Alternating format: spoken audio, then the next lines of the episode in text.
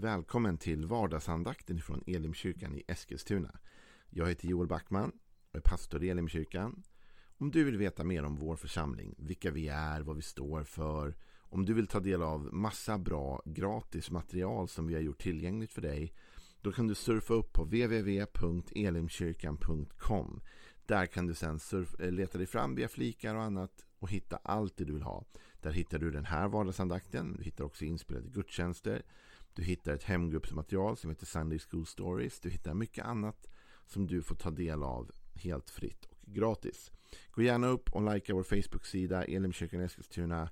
Gå gärna upp och prenumerera på vår YouTube-kanal Elimkyrkan Eskilstuna så att vi känner att vi har kontakt med varandra och så att du får all information från oss i dessa märkliga tider. Vi har under den här gångna tiden på vardagsandakten haft en serie om psalm 23 och gått igenom den ganska noggrant. Idag är det ju onsdag och eh, mitt i veckan. Och då vill jag inte hoppa på en ny serie så här i slutet av veckan eller mitten slutet utan vi kör tre dagar bara om ett bibelord. Och det är väl en miniserie får vi väl kalla det då. Men det är inget djupare än så. Som ska handla lite grann om Guds vilja för dig och för mig utifrån en bibeltext Eh, och då kan man fundera på det här med Guds vilja. Det är faktiskt något som många människor brottas med ganska mycket. Och hur ska man kunna veta vad som är Guds vilja? Någon har sagt det enda vi kan veta om Gud är det han väljer att uppenbara för oss. Och det är sant. Kristendomen är en uppenbarelsereligion. Den handlar om att Gud uppenbarar sig. Jag brukar tänka så här om vi, leker, om vi skulle leka kurragömma med Gud så kommer han vinna. Vi kan bara hitta honom om han väljer att låta sig visas av oss. Eller ses av oss rättare sagt. Men Guds vilja är ändå uppenbarad. Dels genom Jesus som är en särskild uppenbarelse. Men också genom ordet. Bibeln som har blivit gedd till oss människor. Gud som har inspirerat människor att skriva ner de här sakerna för oss. Och i ett av de breven så hittar vi lite av Guds vilja. Och det kanske inte är Guds speciella vilja för varje situation. Det finns ju olika viljor. Man kan tänka så här. Vad vill jag med mitt liv? Det är en fråga. En annan fråga är vad vill jag äta till lunch idag? Det är en helt annan fråga. Och de viljorna kan vara väldigt olika. Och jag kan ju mycket väl veta vad viljan, vad jag har för vilja med mitt liv, vad jag har för mening, vad jag vill. Jag vill lyckas med det här i livet och ändå inte veta vad jag vill äta till lunch idag. Och lite så kan det vara med Gud ibland, att vi kan veta Guds generella vilja i vissa situationer. Vi kan veta att han vill rädda mänskligheten. Vi kan veta vissa saker om hans tankar för oss människor. Men vi kanske inte vet alltid i detalj allt om varje dag. Och då måste vi leva i, i en relation med den heliga ande så att den heliga ande får leda oss dag för dag. Men, eh, och då kan vi få svar på även sådana frågor. Men idag så vill jag tala lite grann om några av de generella sanningar som Gud ändå har för oss alla. För Guds vilja kan ju också skilja sig för dig och mig i små saker. Det vill säga, Gud kanske vill att jag ska göra en viss sak idag. Eller önskar det. Men han kanske önskar att du ska göra en helt annan sak idag. Men han kanske har samma vilja och önskan för oss båda för våra liv ur ett större perspektiv.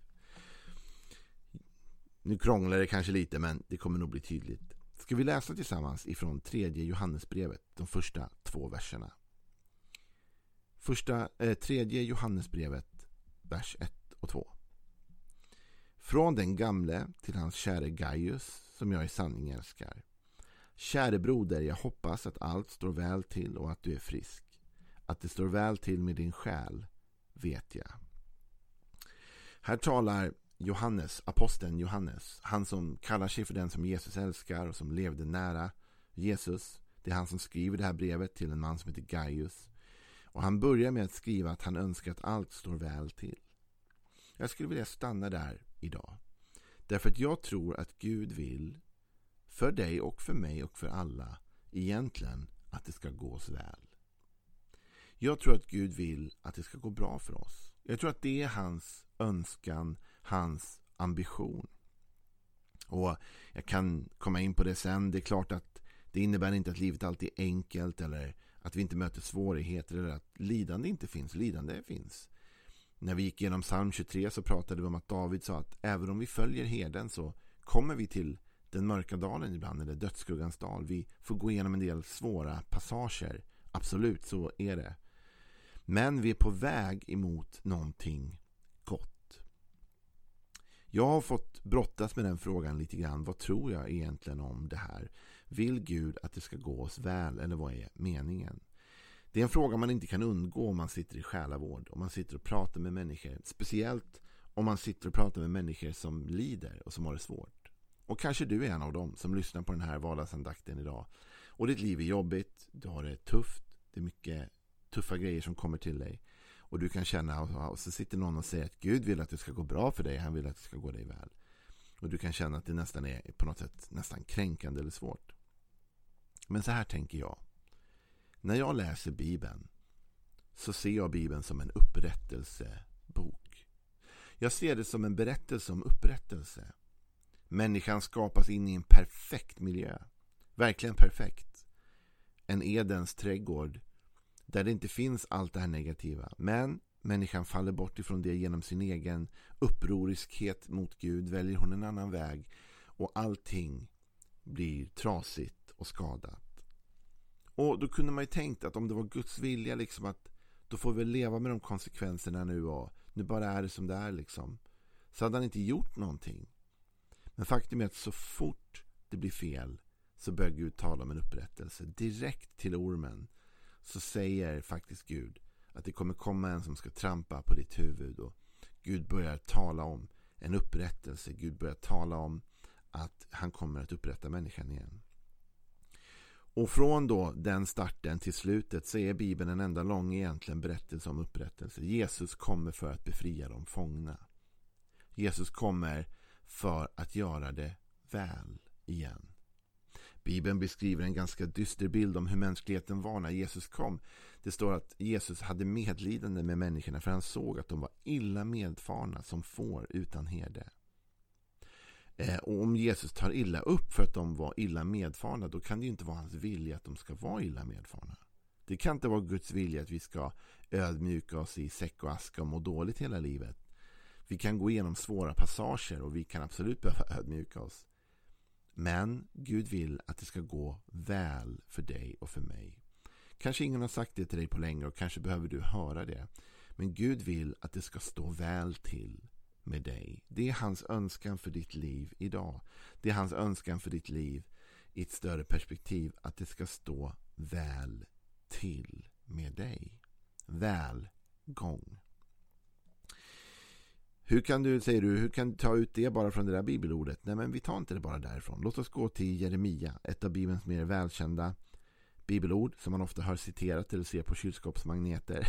Jeremia 29 och vers 11 så talar Gud till sitt folk och så säger han Jeremia 29 och 11. Jag vet vilka avsikter jag har med er, säger Herren. Jag ska bara stanna där först. Gud agerar inte i blindo vad det gäller ditt liv. Gud chansar inte med ditt liv. Gud höftar inte så att säga med det som är ditt liv. Utan här säger han Jag vet vilka avsikter jag har med er. Med andra ord, Gud har en plan. Och Gud vet vad han vill. Och han vet vad han vill med ditt liv. Och han vet eh, sina avsikter. Han chansar inte. Och då säger han vidare. Jag vet vilka avsikter jag har med er, säger Herren. Välgång, inte olycka. Jag ska ge er en framtid och ett hopp. Välgång, inte olycka. Det är svårt att hitta det mycket klarare eller mycket tydligare i Bibeln. Vad är Guds vilja med ditt liv? Är det olycka? Nej, här säger han inte olycka, skriver han. Så om jag skulle säga till dig nu att Gud, ibland vill han olycka i ditt liv så, så finns det ett bibelord här där Gud säger att han vet vilka avsikter han har med oss. Inte olycka. Gud vill inte olycka med ditt liv. Det innebär inte att du inte kan råka ut för en olycka eller att du inte kan drabbas av något svårt.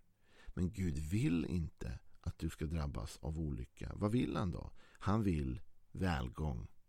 Hans avsikt för ditt liv är välgång. Precis som Johannes, aposteln Johannes skrev. Jag önskar att allt står väl till. Allt står väl till. Inte att du har 50% välgång. Allt står väl till, skriver Johannes. Och här säger Gud, han vet vilka avsikter han har för oss. Välgång. Meditera över det idag. Låt den tanken få slå rot i ditt hjärta. Gå och tänk på det idag. Hela dagen. Om det här är kväll, då får du väl tänka på det över natten då. Men när du lyssnar på det här. Men tänk så här. Välgång, inte olycka. Gud vill välgång, inte olycka. Gud vill välgång, inte olycka för mig. Gå och tänk på det. Fundera på vad det betyder att han vill dig väl. Att han har ditt goda i sikte. Att hans planer för ditt liv är att föra dig till välgång. Välgång. Den engelska översättningen av, av det här tredje Johannes eh, brevet gör inte det hela mildare eller enklare utan utmanar egentligen tanken ännu mer. För om man läser King James version som är en av de mer kända engelska översättningarna så säger tredje Johannesbrevet då den andra versen Beloved I wish above all things that thou mayest prosper and be in health even as thy soul prospers. Min, min älskade, jag önskar över allt. I wish above all things. Jag önskar över allt, säger Johannes. Att du har framgång. That thou mayest prosper.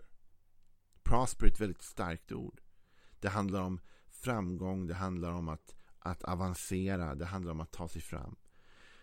That thou mayest prosper. Om man går in i också det grekiska ord och uttryck som används här så handlar det om en lyckosam resa. Gud vill att du ska ha en lyckosam resa. Och det där är väldigt bra faktiskt. För det, det betyder, du vet en lyckosam resa kan också den gå igenom en del tuffa områden. Eller passager, eller vägar. Men en lyckad resa, vad är en lyckad resa egentligen? En lyckad resa är ju att man tar sig dit man ska. Att man tar sig dit man ska och man gör det inom någon form av tidsram som ändå är realistisk eller god. Det vill säga det är inte en lyckad resa om jag kommer tre timmar för sent. Då är den ju inte lyckad om jag hade en tid att passa. Men att jag tar mig till mitt mål. Jag är där jag ska vara och jag är där i den tid jag ska vara där. Då är det väl ändå en lyckad resa. Och då talar Johannes här om att Gud önskar oss framgång, välgång. Han önskar oss en lyckad resa. Gud vill att din resa ska lyckas. Du kanske funderar på vad vill Gud med mitt liv? Vad är meningen med mitt liv? Liksom, kommer jag någonsin få ordning på mitt liv? Ja, Gud har planerat en lyckad resa för dig. Gud har välgång och framgång planerat för dig. Och dit vill han ta dig. Och dit kommer han att ta dig om du följer honom. Precis som vi var inne i psalm 23 så handlar det om efterföljelse. Vi följer herden. Och ibland kan man tänka så här, men mitt liv går verkligen inte bra. Jag har verkligen inte välgång. Jag har bara olycka, olycka, olycka, olycka, olycka. Du, du hittar på nu. Och då kan jag säga två saker som kanske är potentiella skäl till varför det kan vara så. Det ena skälet är att du är på en resa. Och även om det känns som att det är olycksamt just nu, du kanske upplever liksom att du har fått punktering i livet så att säga, så är resan inte över än. Gud kommer ta dig dit du ska och i den tid som du ska vara där. Lita på det. Det kanske inte känns så just nu. Ibland när man är på någon resa kan det kännas som att vi kommer komma så sent och sen helt plötsligt upptäcker man efter ett tag nej men det ordnade sig.